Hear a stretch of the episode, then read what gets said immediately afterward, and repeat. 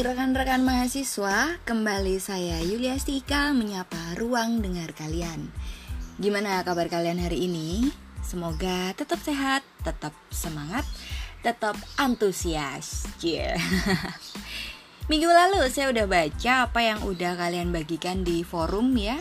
Menarik tentang apa yang dirasakan itu mengenai perubahan drastis antara sebelum dan sesudah pandemi. Beberapa rekan mahasiswa memanfaatkan momen ini untuk mengikuti arus dengan berbisnis di food and beverage. Sekarang pemain di bisnis ini banyak banget ya pendatang barunya. Tentu buat kalian yang lagi bisnis juga merasakan dong.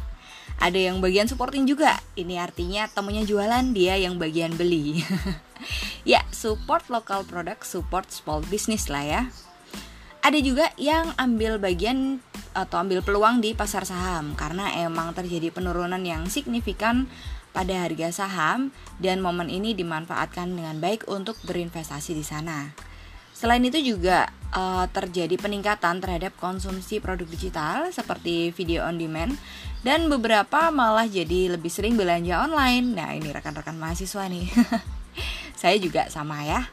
Ada juga yang uh, malah banyak membaca. Jadi ini banyak membaca buku dan ada juga yang memanfaatkan momen ini untuk mengikuti kursus-kursus online. Oke, bagus lah ya.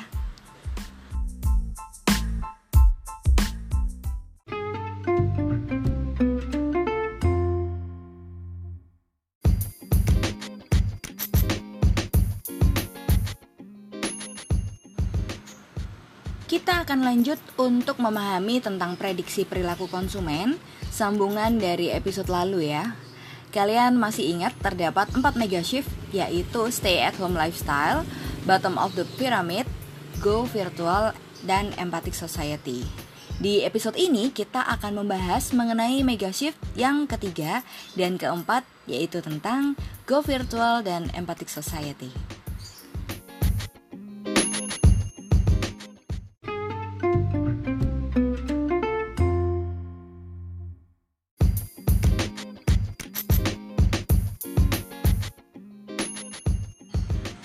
Go virtual mega shift yang ketiga. Poin ke-20 di sini ada virtual experience is the next big thing.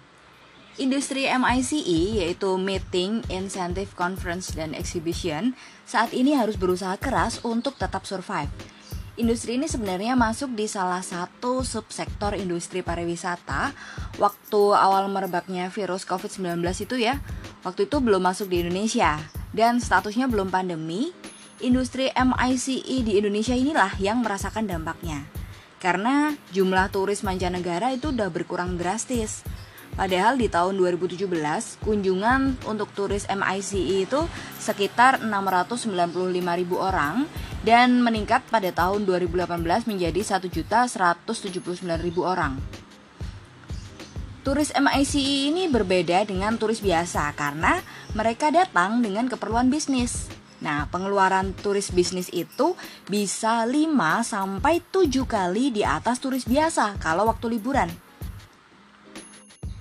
Jadi, kalau turis biasa itu menghabiskan ya sekitar 100 US dollar per hari, turis MICE ini atau turis bisnis itu menghabiskan 500 sampai 700 US dollar per hari.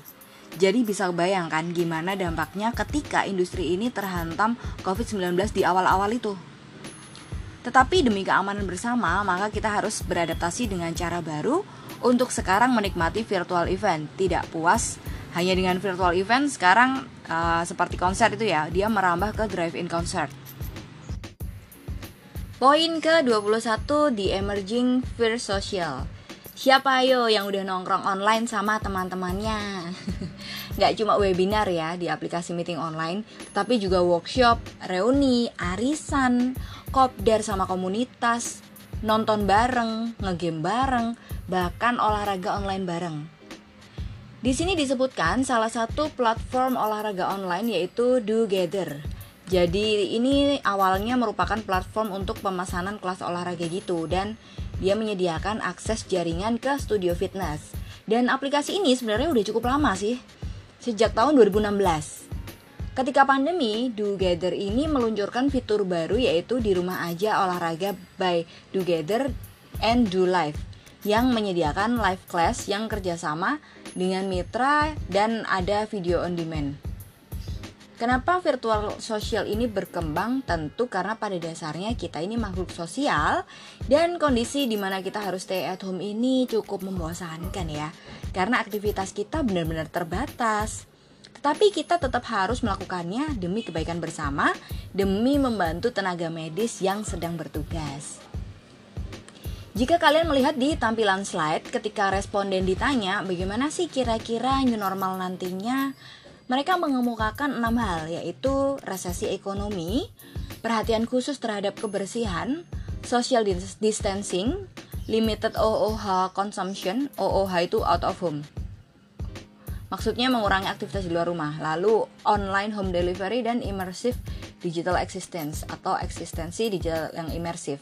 Istilah digital imersif itu, teknologi imersif itu merujuk pada kondisi di mana kita seolah-olah itu terlibat dan berada di dunia maya teknologinya ya sering kita pakai seperti virtual reality atau VR itu AR augmented reality itulah yang semakin dekat dan semakin eksis nantinya. Poin yang ke-22, flexible working hours from 9 to 5 to 3 to 2. Saya ingat ya dulu pernah ada pembicara kuliah tamu di kampus Beliau bercerita tentang buku Millennial Kills. Di situ ada 50 hal yang nantinya akan dibunuh oleh milenial, hilang perlahan dan buku itu juga ditulis oleh Yuswo Hadi ini. Salah satu hal tersebut adalah tentang jam kerja, yaitu jam 9 pagi sampai jam 5 sore. Melihat kondisi saat itu, maksudnya ketika e-book ini ditulis, adalah jam kerja sekarang itu memang menjadi flexible working hours.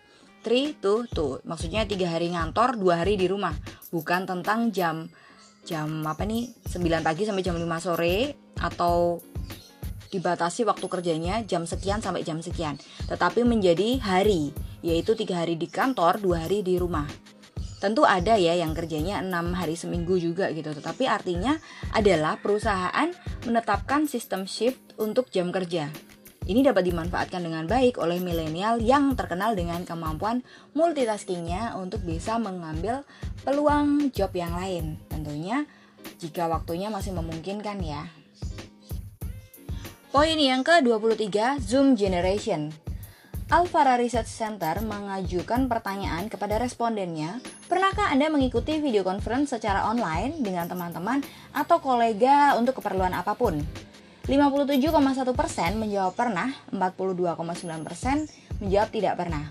Ini terkait dengan poin tentang virtual sosial tadi ya. Sebenarnya video conference ini bukan barang baru sih ya, tetapi memang baru mendunia semenjak ada pandemi ini. Anak-anak juga mengakses pendidikan menggunakan platform online meeting ini dan mereka tumbuh menjadi Zoom generation.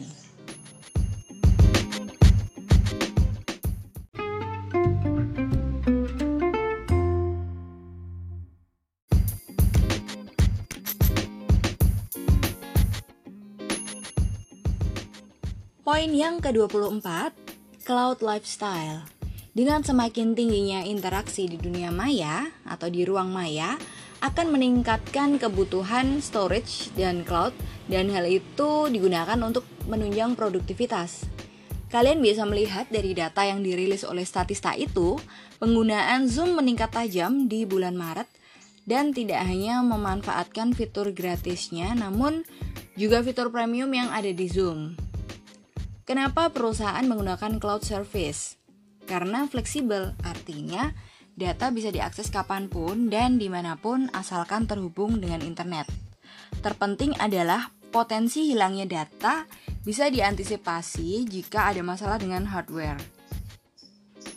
Cloud service itu ada tiga macam, yaitu dikenal dengan istilah SaaS, kemudian PaaS, dan IaaS. Jadi kalau di bahasa Indonesia SaaS, PaaS dan IaaS. Jadi kalau SaaS atau Software as a Service itu layanan dari cloud service di mana kita tinggal memakai software atau perangkat lunak yang telah disediakan. Ada yang gratis, ada yang berbayar. Contohnya misalnya Gmail, Dropbox, Yahoo Mail, Facebook, Cisco Webex, Skype dan lain-lain. Kemudian yang kedua ada PaaS atau Platform as a Service itu merupakan layanan dari cloud service di mana kita menyewa rumah berikut lingkungannya untuk menjalankan aplikasi yang kita buat. Salah satunya adalah Amazon Web Service, Heroku, dan Windows Azure. Sedangkan Infrastructure as a Service atau IaaS adalah layanan dari cloud service di mana kita bisa menyewa infrastruktur IT untuk melakukan komputasi secara virtual melalui internet. Di iOS, user harus mengurus sendiri OS, keamanan, aplikasi, database, dan lain-lain. Karena kebanyakan penyedia layanan hanya menyediakan server dan jaringan. Poin ke-25, telemedicine. From visit to virtual. Dari data Kantar Indonesia, 34% responden melakukan konsultasi kesehatan secara online dan dari survei McKinsey di bulan Maret 2020, 44% yang telah membatalkan appointment mereka untuk cek rutin atau cek mental health beralih ke telehealth.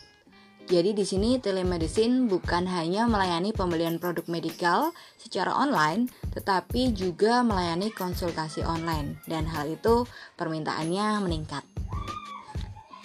Poin yang ke-26 online homeschooling. Inilah wajah baru dunia pendidikan, di mana belajar di rumah menjadi hal yang kita lakukan beberapa waktu ini. Di Indonesia, selama bulan Februari sampai Maret 2020 yang lalu, aplikasi Google Classroom yang kalian pakai juga ya, itu tercatat di download mencapai 50 juta kali. Di sini kita lihat ada dua tren. Yang pertama adalah tren pembelajaran secara online dengan menggunakan platform digital dan kedua adalah bahwa peran orang tua semakin besar dalam proses pembelajaran anak. Mungkin kalian yang punya saudara atau adik yang masih kecil juga merasakan ya bagaimana sih membantu untuk anak-anak itu bisa belajar di rumah, mengikuti kegiatan sekolah tetapi tetap stay at home. Tentu adaptasi ini tidak mudah mengingat orang tua juga memiliki pekerjaan sehingga ketika dijalankan sekolah di rumah ini menuai banyak argumen di sana sini dari berbagai perspektif. Kasus yang terjadi di Denmark ini menarik ketika orang tua mereka menolak ya untuk menyekolahkan anak-anaknya setelah lo apa lockdownnya itu dilonggarkan. Pertimbangannya adalah mereka khawatir ketika nanti anak-anak kembali ke sekolah itu akan tertular virus. Seperti itu. Tidak hanya di pendidikan, di sini juga dibahas tentang ibadah virtual pada poin ke-27. Jadi ibadah kan biasanya umat datang ke rumah ibadah ya. Saat ini digantikan dengan berbagai metode online dengan berbagai macam alternatif. Ada live streaming, ada yang via Zoom dan tentunya ini membutuhkan kerjasama dari banyak pihak.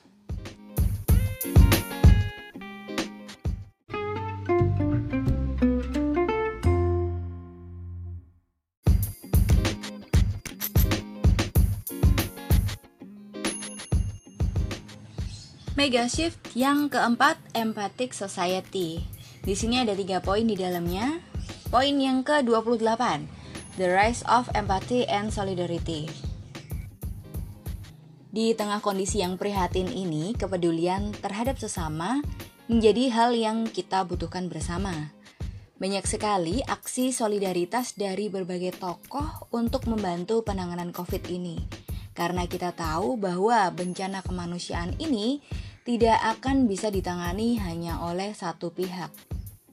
Bagi brand, menggaungkan kepedulian dan empati merupakan tools yang ampuh untuk menunjukkan kepada masyarakat bahwa brand hadir untuk memberikan solusi.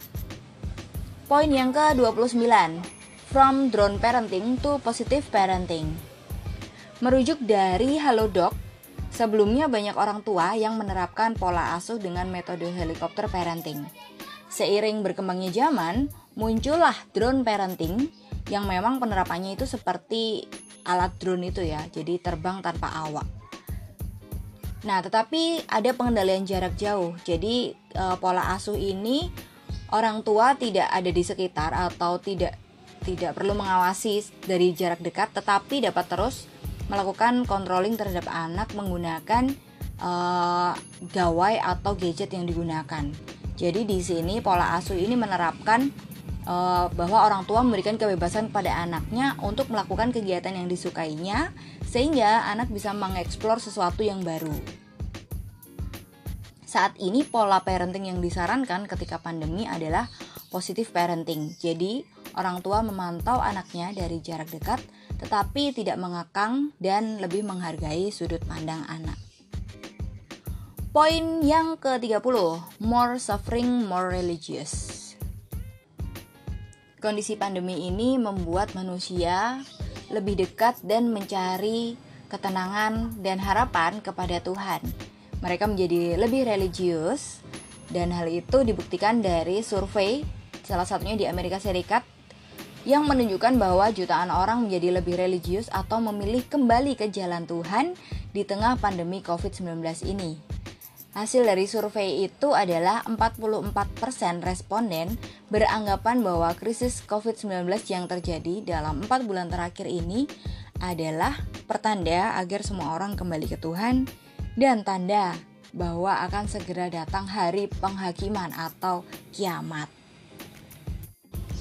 Peluang yang dapat diambil oleh brand adalah bisa menambahkan spiritual value atau benefit dalam value propositionnya sehingga uh, brand bisa menciptakan spiritual connection dengan konsumen. Karena seperti yang tadi sudah dibahas juga, brand harus bisa hadir untuk menjadi solusi bagi konsumen.